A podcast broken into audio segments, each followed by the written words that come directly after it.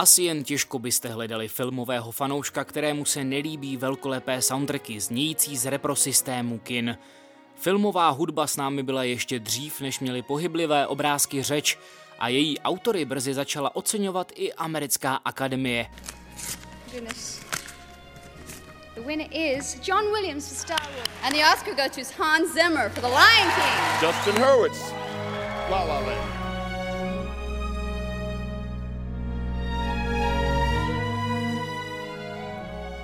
První sošku získal film One Night of Love v roce 1934. Od té doby dali skladatelé vynikající ve svém umění snímkům atmosféru, emoce a někdy i podpořili hrůzu čekající v koutě na vhodný okamžik. Hitchcockovo Psycho by nebylo tím samým filmem bez ikonických ječivých zvuků. Bez dvou nezapomenutelných tónů už si neumíme představit ani žraloka terorizujícího nevinné postavy Spielbergových čelistí. Kmotr nebo Schindlerův seznam by byly chudší o valc Nina Roty a teskné melodie Johna Williamse. Klasici filmového soundtracku se na začátku 20.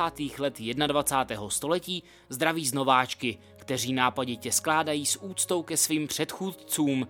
Hudbu tak tvoří nejen smyčce, klavíry nebo perkuse, ale třeba, jako v případě islandské vítězky Zlatého globu Hildur Guanadotir, kusy plechu, ťukání psacího stroje nebo vrčení dozimetru, který určuje míru radioaktivního zamoření v elektrárně Černobyl. Vítejte u prvního proudcastu Informuji.cz. V něm si připomínáme kulturní fenomény a povídáme si o nich se zajímavými hosty. Ten dnešní je v notách filmových partitur jako doma.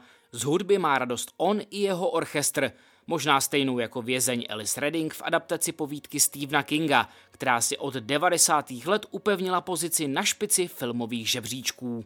I have no idea to this day what those two Italian ladies were singing about. Truth is, I don't want to know. Some things are best left unsaid. Filmová hudba tvoří značnou část jeho života. Je dramaturgem, aranžérem, pedagogem a hráčem na lesní roh. Před šesti lety spolu založil filmovou Filharmonii, se kterou odehrál přibližně 25 velkých koncertů po celé republice. V posledních letech se útočištěm jeho hudebního tělesa stalo především pražské Rudolfinum. Hostem Informuji.cz je ředitel Filmharmonie Matěj Lehár. Dobrý den. Dobrý den. Já nejdřív začnu takovou citací. Německý skladatel Hans Zimmer řekl, skládání hudby je konverzace, otázka a odpověď, nepotřebujete velké těleso nebo drahou techniku, Stačí jen vymyslet příběh a vlastnit laptop. Souhlasíte s tím? Uh, tak samozřejmě. Uh, v, jeho, v jeho případě uh, to tak opravdu, opravdu je. Uh, on mluví samozřejmě o hudbě jako takové. Ono, hudba je vlastně velice, velice jednoduchá záležitost, když se na ní podíváme z toho našeho, z toho našeho hudebního pohledu. Máte nějakou krásnou myšlenku, Eh, nějakým způsobem eh, ji třeba rozvíjíte a předáváte ji dál, tak jak, tak jak ji máte rádi. Takže to může dělat opravdu každý. Když to hodně zjednodušíme, můžete si sednout k počítači, eh, mít nápad, třeba klávesy nebo piano a skládáte hudbu. Hudbu, hudbu může dělat opravdu každý na té úrovni, na které se mu jako líbí. Jo, každý má nějakým způsobem uh, tu představu uh, jinou v tomhle ohledu. Samozřejmě člověk, který se sedne k počítači a povede se mu nějaký pár tónů a zalíbí se mu to, tak bude nadšen z toho, co právě tvoří. Samozřejmě člověk, který se tím zabývá, tak už zase tvoří trošku jinak právě podle toho, jak se, jak se to líbí jemu. Filmová hudba se ale za poslední léta změnila. Vlastně skladatele už nejsou těmi neznámými osobami, kteří stojí za hudbou, kterou slyšíme u filmů, ale vlastně jsou takovými novodobými rokovými hvězdami. Mají kapely, eh, jezdí s velkými orchestry tour po celém světě.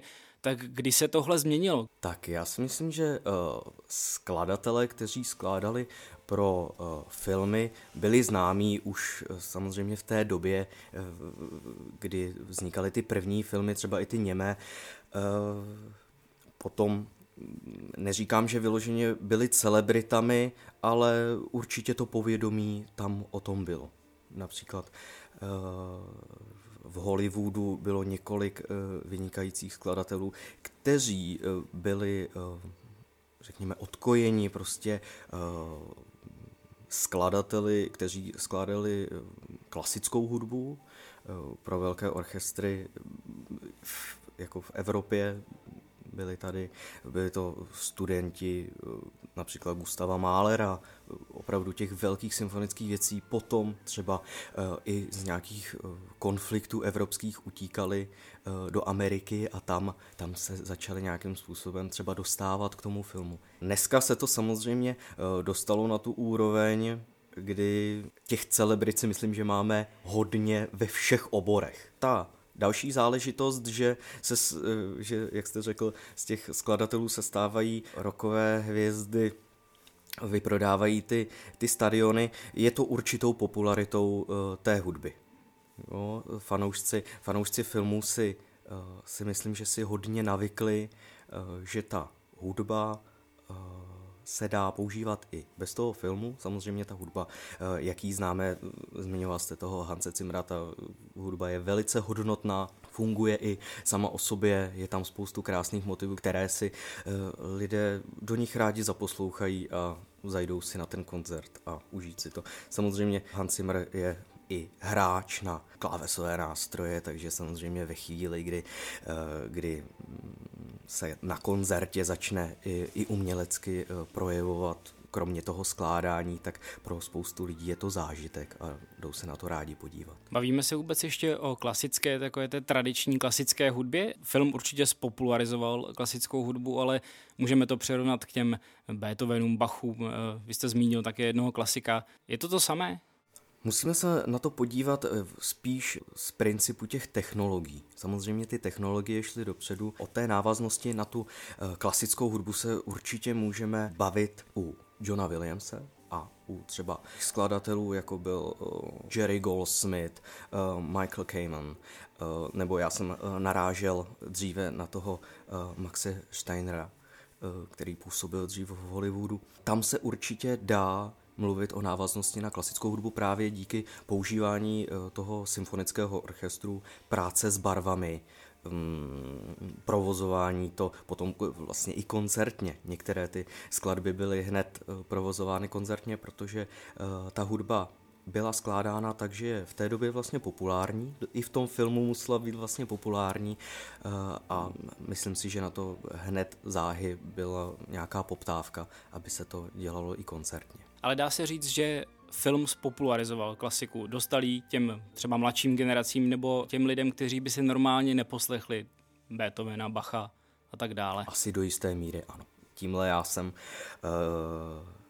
v začátcích uh, dost obhajoval, proč jsem se vlastně pustil uh, do um, té filmové hudby vlastně koncertně, protože jsme měli zájem vlastně nalákat eh, mladé lidi na, na symfonickou hudbu, protože eh, tehdy se svými přáteli a se svými spolužáky jsme se s tím vlastně všichni konkrétně zabývali během svých studií, tak člověk je přece jenom tím jako dost nasáklý a chce to pustit uh, ven a, a samozřejmě setkává se se svými vrstevníky, kteří vlastně o tom nemají povědomí. Takže jsme se nějakým způsobem snažili to promítnout i jim. Takže máte pravdu, že vlastně i skrze uh, tu filmovou hudbu je uh, snadnější dostat, možná bych řekl i dostat lidi do Rudolfína jakou má vůbec mít hudba ve filmu funkci, protože někteří filmoví kritici si stěžují, když hudba vždy má emoce, když to řekneme takhle lidově, má je podporovat, má splynout s tím filmem, takže ji vnímáme jen jako podprahově. Jakou má mít funkci? To si myslím, že si asi musí odpovědět každý tvůrce, eh, jakou funkci eh, má mít eh, ta hudba v jeho filmu.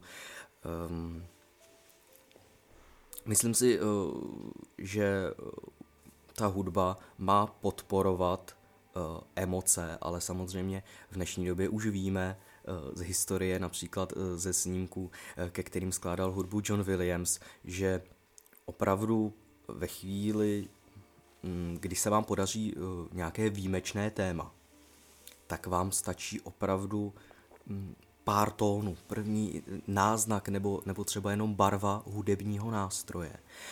A vám se ten film vybaví, když bych řekl, že dneska budete uh, přepínat na televizi a, a najednou přepnete na snímek, kde je záběr na moře a uslyšíte kontrabasy s fagotem, tak budete vědět, že vám zaznívají čelisti. Posloucháte Broadcast Informuj CZ. Hostem je ředitel filmové filharmonie Matěj Lehár. Když se podíváme do Česka, do, do toho našeho rybníčku filmového, tak určitě všichni znají hudbu Karla Svobody, uh, Ondřej Soukup, Ondřej Brzo Bohatý uh, skládají filmovou hudbu. Uh, tak na jaké úrovni je česká filmová hudba? Tohle já bych úplně jako nerad hodnotil. Uh, myslím si, že ta hudba patří k těm filmům, které se tady dělají. Opravdu uh, hudební doprovody pana Soukupa uh, používá tam symfonický orchestr, ale celkové to vyznění filmů uh, je trošku jiné než u, u té americké hudby. To velkolepé samozřejmě k tomu je i ta hudba. Myslím si, že v tomhle ohledu čeští skladatelé odvádějí dobrou práci právě proto, že když sleduju české snímky, tak ta hudba mi do toho, řekněme, jako sedí. Jo, nehraje si, nehraje si na nějakou přílišnou velkolepost, eh, přílišné nějaké kopírování eh, toho amerického stylu, eh, i přesto, že bych třeba zmínil, že opravdu tou, tou orchestrací některé pohádky, které vznikají, tak se snaží ten orchestr, aby tam vyzníval opravdu jako velkolepě, ale to k tomu nějakým způsobem patří. Eh, myslím si, že eh, tyhle ty vlastně české filmy a s tím spojená i eh, hudba k ním je taková kapitola sama pro sebe. Naše publikum to nevyhledává úplně, jako že by chodili na filmy kvůli filmové hudbě. Ve světě si myslím, že ty skladatelé to mají v dnešní době už trošku jednodušší v tom, že když se eh, dneska se film prodává i na základě toho, kdo k němu eh, vytváří například hudební doprovod. Máte vy oblíbené skladatele? Já si uvědomuji, že tohle je velmi těžká otázka, protože jako někdo, kdo má rád filmovou hudbu, tak bych mohl jmenovat dlouhé minuty, ale přece jenom, kdybyste měl vybrat? Myslím si, že, to, eh, že se toho vlastně mění tou mojí, eh, tou mojí prací, tím, jak se například eh, zabývám konkrétními autory a, a vidím například jejich rukopisy a jejich druh práce. Samozřejmě já jsem vyrostl na soundtracku z posledního Mohikána, takže Trevor Jones je takový skladatel, který je ve mně nějakým způsobem zakořeněn. Potom můžu zmiňovat právě třeba Michaela Kamena a jeho Robina Hooda uh, z 91. roku. Samozřejmě já jako to hráč na lesní roh eh, tyhle ty soundtracky mám rád, protože tam uh, samozřejmě ty lesní rohy jsou velice exponované a myslím si, že když zmíním uh, skladatele Johna Williamse, kterého si velice jako vážím pro to, jakým způsobem skládá nebo skládal celý svůj život. Právě protože se tomu snažil vtisknout tu řekněme, symfonickou podobu. Eh, navazoval na, na tu práci s tím symfonickým orchestrem. On vlastně jakožto eh, původně dirigent, tak s tím opravdu jako umí pracovat, takže když zmíním jméno Johna Williamse, tak se určitě nějak nespletu.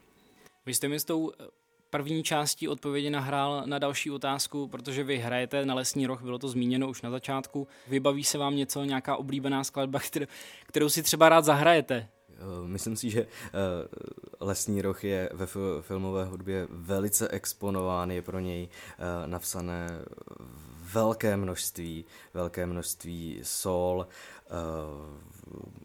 Teď na koncertě 14. února zazní například vlastně hudební svita z filmu Titanic, kde vlastně soprán doprovází právě lesní roh.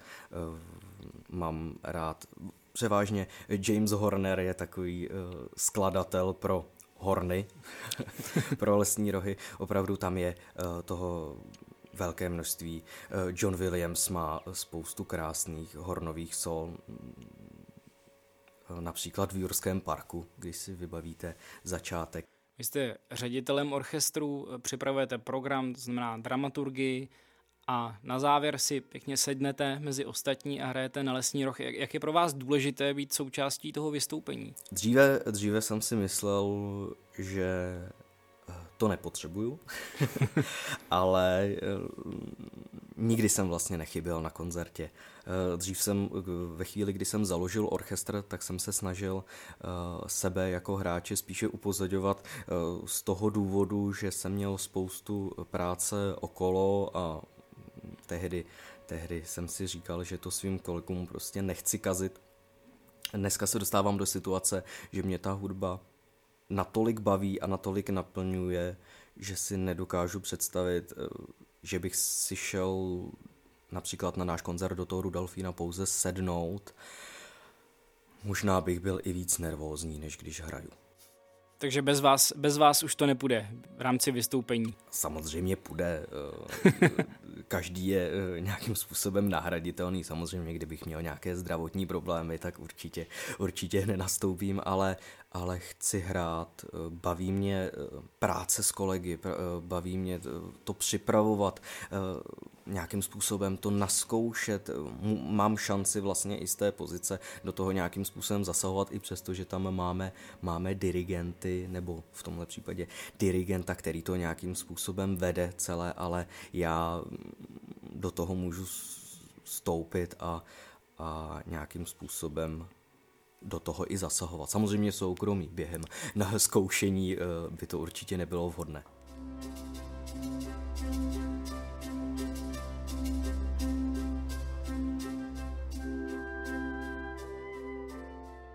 Stále posloucháte Proudcast Informuji CZ, hostem je ředitel filmové filharmonie Matěj Lehár. Jsem rád, že jsme se dostali eh, ke 14. únoru a vašemu koncertu Valentín.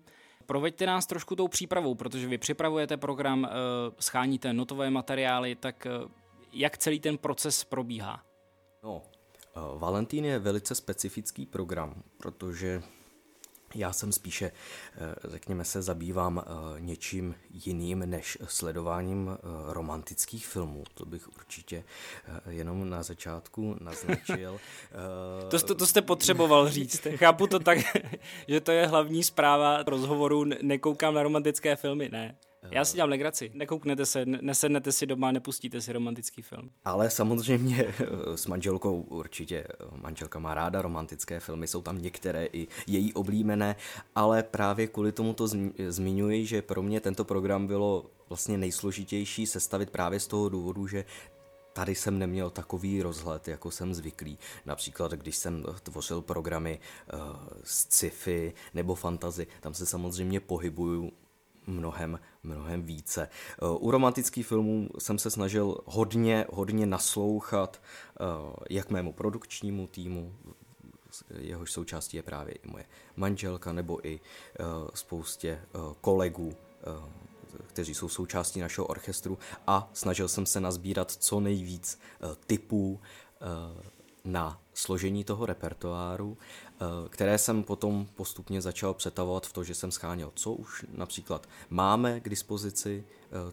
co máme v repertoáru, například eh, z těch sci-fi zazní Across the Stars John Williams. John, od Johna Williamse, anebo od Johna Williamse právě Love Team z filmu Superman.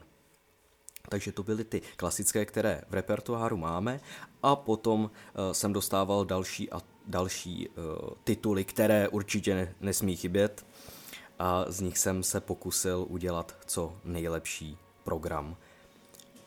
Um, myslím si, že pro spoustu lidí bylo hrozně důležité a byla to nejčastější otázka, která mě byla vlastně kladena, jestli to nebude nuda.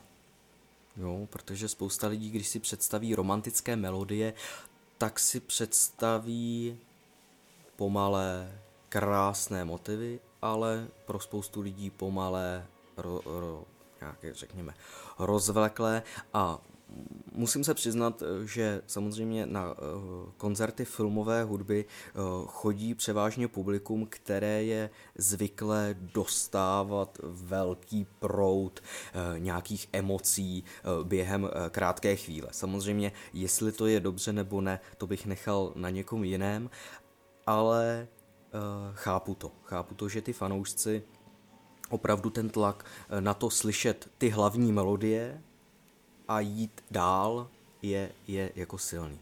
Jaké publikum vůbec chodí na koncerty Filmharmonie? Dá se to určit? Myslím si, že na nás chodí už, řekněme, velcí nadšenci nejen do filmové hudby, ale i přímo našeho orchestru. Myslím si, že za, za působení těch šest let, eh, kde jsme na scéně, jsme si udělali eh, publikum lidí, kteří z nějakého důvodu eh, vyhledávají náš orchestr a jsem za to velice rád, protože samozřejmě v Praze podobných akcí nebo řekněme podobně vypadajících, podobně prezentujících je celá řada a člověk opravdu se v tom musí zorientovat, aby, aby věděl, co mu za to stojí a co ne. A já jsem velice rád, že se nám daří vlastně už třetí sezónu za sebou vyprodávat každý koncert, který děláme v Rudolfinu, což si myslím, že, eh, že je jako velký úspěch a je to vlastně i důvod, proč to v tuhle tu chvíli vůbec můžeme dělat tak, jak to děláme.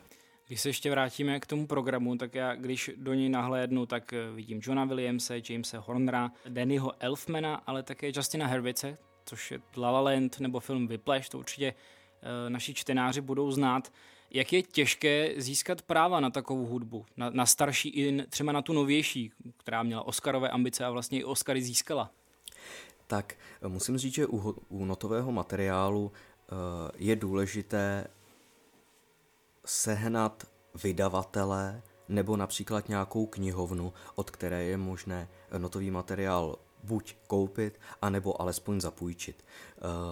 Pracovat s kontakty přímo ze studii je velice náročné a řekněme, že pro Eh, člověka eh, tady v naší kotlině eh, pořádající koncert pro, řekněme, pro Američany pouze v pražském Rudolfínu je věc z důvodu pořizování licencí velice nezajímavá a tudíž se musíme vyloženě odkazovat na to, že ten notový materiál již existuje, že ho někdo někde hrál, že existují práva, že vám to někdo zapůjčí kolik eh, takový notový materiál stojí. Budou společnosti, kde to bude víc peněz, eh, společnosti, které budou vstřícnější. Tak samozřejmě, ještě bych se vrátil k tomu, že eh, my máme třeba dobré spojení na uh, Davida Arnolda a takový uh, někteří skladatelé jsou velice rádi, když se jejich hudba hraje a no, například tito skladatelé notové materiály uh, nějakým způsobem půjčují, to ani nemá cenu jako mluvit o tom. To je v podstatě jako zadarmo a jsou rádi, že, že, eh, že to hrajeme a my jsme velice rádi, že, že tu hudbu můžeme hrát. Tím bych zmínil eh, titul eh, Den nezávislosti, což je můj velice oblíbený titul, který jsme vlastně už teďka po třetí hráli na koncertě z sci-fi. Ale zpátky ta složka eh, na notový materiál eh, se od koncert od koncertu velice mění. Samozřejmě ve, chvíli, kdy se snažíte hrát, eh, řekněme, moderní věci, tak ty finance jdou nahoru, člověk s tím musí počítat a musí tomu bohužel nějakým způsobem k tomu dávat i tu cenu toho vstupného na ty koncerty. Ehm, můžu říct, že jsou společnosti, které v dnešní době eh, využívají svého postavení na trhu a notové materiály jsou od nich velice drahé a jelikož se jedná o zápůjčky, tudíž vy eh, nemáte šanci s tím notovým materiálem nějakým způsobem dále pracovat, ale musíte ho dávat do rozpočtu na ten jednotlivý koncert, tak se to občas slepuje velice špatně. Přichází třeba v úvahu přesun do větší haly, třeba do, do nějaké, kde hraje Hans Zimmer právě u nás, Auto Arena a podobně? My jsme v tuto chvíli vlastně budeme hrát desáté uh, představení uh, pražském Rudolfínu, eh, který si myslím, že je nejkrásnější akustický, a to musím schválně podotknout, jako akustický sál u nás. Eh, myslím si, že kdybych filmovou filharmonii eh, chtěl prezentovat v jiných sálech, i přesto, že by byly větší, i pro spoustu lidí a nějakým způsobem bych měl možnost například pro orchestr tím pádem získat eh, mnohem lepší finanční pozici, tak si myslím, že v tuto chvíli to pro nás není důležité právě z důvodu té akustiky. V O2 aréně ve chvíli, kdybych chtěl dělat koncert, tak bych ten 90 člený orchestr musel nazvučit a pro, myslím si, že pro publikum by to v žádném případě nemělo, ne, neměli by z toho pocit eh, krásného koncertu, které si, který si užijí například v Rudolfínu. Je to, je to něco jiného. Ve chvíli, kdy je prostě člověk zvyklý uh, poslouchat nahrávky, uh, například soundtracků, v dnešní době vlastně jakýkoliv, jakýkoliv hudební doprovod vyjde, tak člověk ho může mít ve velice dobré kvalitě v uších. Není možné tuhle tu kvalitu udělat koncertně uh, v hokejové hale, fotbalové hale. Myslím si, že je možné se k tomu nějakým způsobem přiblížit uh, v akustickém sále a jistými, uh, v jistých věcech to i přesáhnout právě jako emocemi, ale to samozřejmě je i věc toho prostoru. Samozřejmě pro mě jít na koncert jak jste zmiňoval, nějaké ty, nějaké ty arény, nebo eh, tak eh, já bych z toho měl poloviční zážitek, i přesto, že by to hrál nějaký výjimečný světový nebo vynikající český orchestr. Myslím, že v tuto chvíli s filmovou filharmonií dělám právě to, eh, o čem jsem vlastně snil. Dělám, dělám krásnou hudbu, krásném prostředí, s, vlastně v tuto chvíli můžu říct, eh, za mě s vynikajícím orchestrem, na kterém se mě prostě daří eh, pracovat. Jsou to převážně mladí profesionálové, se kterými působím například i v jiných, v jiných orchestrech. Eh, známe se, ta spolupráce nás baví, je tam spousta lidí, kteří si kvůli tomu vždycky najdou čas, i přesto, že, že mají mít třeba službu v jiných orchestrech, ale Eh, je to věc, která nás těší a řekněme, že převážně jsme tam nadšenci do té hudby. Bohužel filmová hudba eh, u nás i v Evropě dostala, eh, řekněme, takové, takovou nálepku určité jako samozřejmosti toho, že když jde člověk na koncert filmové hudby, tak jde domů spokojen. Já už vlastně s naším uh, bývalým uh, šéf-dirigentem Čuhem Ivasakem, který s námi již tuto sezónu nespolupracuje na žádném koncertě, jsme ale vždycky společně razili jako svůj způsob tvorby tím, že jsme se nikdy moc neohlíželi na publikum, co, co se týče té kvality, protože Eh, na nás nechodí eh, poučené publikum. Nebo myslím si, že dřív nechodilo. Eh, doufám, doufám, že jsme už si také vychovali publikum, aby sledovalo které věci my děláme jinak než jiné orchestry a právě abych jenom navázal, tak s tím Čuhejem Ivasakem jsme si vždycky snažili hlavně hlídat to, aby my jsme si odvedli výborně naši práci. A to, jak to těm posluchačům eh, bude znít, to už, to už jim předáváme nějakou emoci a ve chvíli, kdy, eh, kdy to budeme dělat dobře, tak eh, to publikum to vždycky vycítí. A myslím si, že to je právě i výhoda toho krásného sálu nebo toho akustického sálu, kdy, kdy, ty, kdy to publikum vás nějakým způsobem jako přímo vidí a nějakým způsobem i s váma cítí je to určitý rozdíl, než když jdou na koncert do Outu arény, kdy od vás jsou, nikdo vám ani nevidí, vidí vás tam jenom na nějakých pár obrazovkách, abyste vůbec věděli, že tam je nějaký orchestr. Koncert s názvem Valentín odhraje filmová filharmonie v Rudolfinu 14. února. Nebude chybět ani host, informuje CZ ředitel orchestru Matěj Lehar. Děkuji, že jste přišel do Informuj.cz. Loučí se také Tomáš Fiala a těším se s dalšími broadcasty naslyšenou.